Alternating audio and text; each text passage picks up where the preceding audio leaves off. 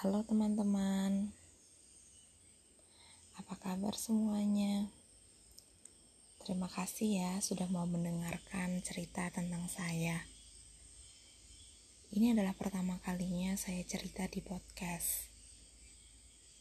Jangan tanya, rasanya senang sekali karena bukan hanya Anda yang mendengar, tetapi juga rasanya jadi lega karena akhirnya keresahan bisa terungkapkan. Terima kasih kepada Spotify yang telah menyediakan, yang telah menjadi platform manusia-manusia seperti saya ini untuk bisa berbagi cerita tanpa merasa tidak enak kepada lawan bicara. Oh ya, episode pertama saya mau cerita tentang diri saya, tentang penerimaan, penerimaan diri kita.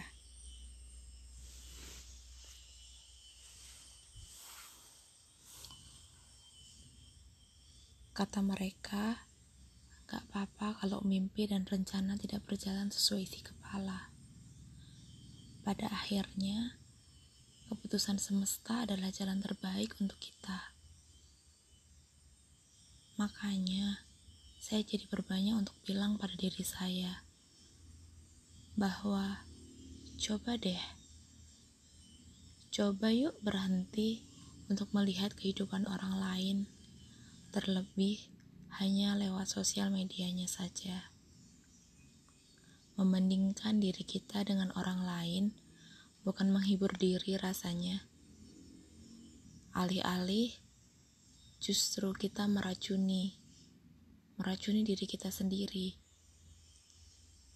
Bahkan hal ini rasanya bukan keadilan untuk diri kita. Kasihan juga diri kita yang sudah susah payah berjuang sampai saat ini. Namun, bukannya kita berterima kasih, malah kita membanding-bandingkannya dengan orang lain. Coba kita berpikir betapa jahatnya kita. Bukannya bersyukur, malah menjadi kufur. Halo. Oh ya, random banget ya pikiran saya. Kebetulan di luar lagi hujan.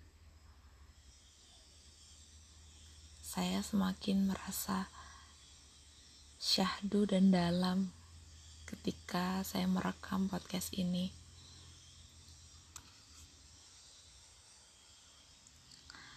Selama saya hidup di dunia ini, saya merasa beberapa bulan terakhir ini merupakan titik terendah saya.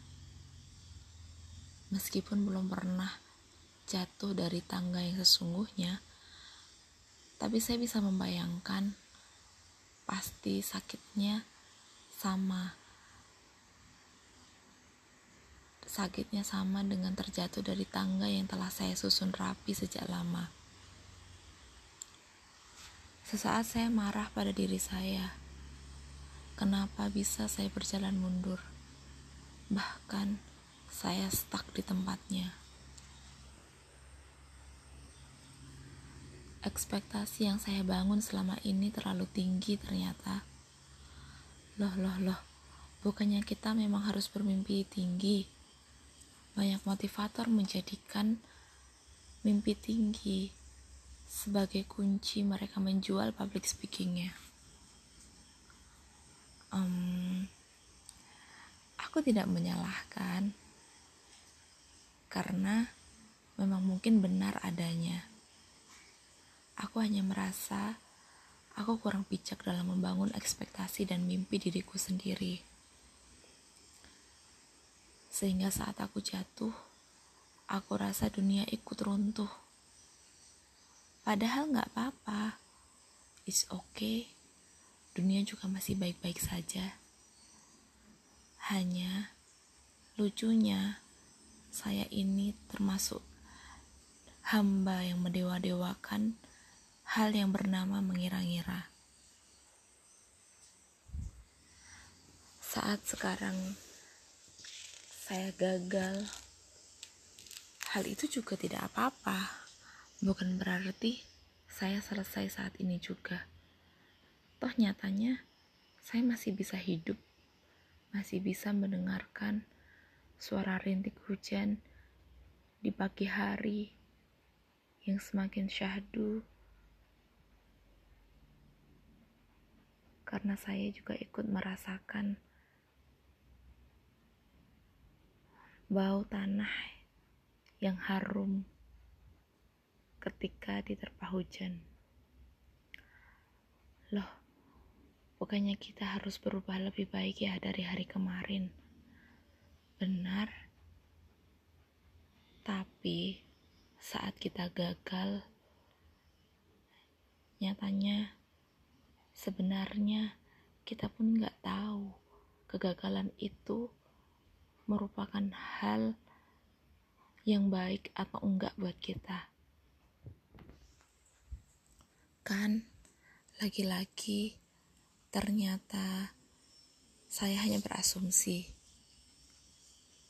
Ini hanya parameter saya bahwasanya gagal itu selalu yang terburuk. Egois. Nyatanya, saya pun nggak tahu kegagalan dan kemunduran ini baik atau buruk buat saya. Saya belum pandai membaca maksud semesta. Penuh teka-teki ya, saya pun bingung. Tapi nggak apa-apa. Sedikit demi sedikit, saya belajar menerima apa pun usaha yang sudah saya ter jalani apa pun doa yang sudah saya langitkan pasti tidak akan tidak ada yang sia-sia. Saya yakin itu. Saya mulai menerima bahwa saya hanyalah manusia saya juga jadi belajar untuk tidak berekspektasi tinggi tetap realistis, namun juga tetap memiliki mimpi. Oh ya, yang paling saya senangi saat ini karena saya lebih dekat dengan diri saya sendiri, lebih menghargai, mengapresiasi, dan memaafkan diri sendiri. Karena sekarang saya sadar, dunia saya bukanlah dunia mereka. Lucunya, meski kita hidup berdampingan, tetapi masing-masing manusia punya cerita, memilih jalannya, dan pilihannya masing-masing. Teman-teman, sekarang saya belajar menerima diri saya dan keputusan semesta untuk saya. Bukan berarti kita jadi putus asa, hanya saja terkadang dalam hidup apa yang kita mau belum tentu baik untuk kita.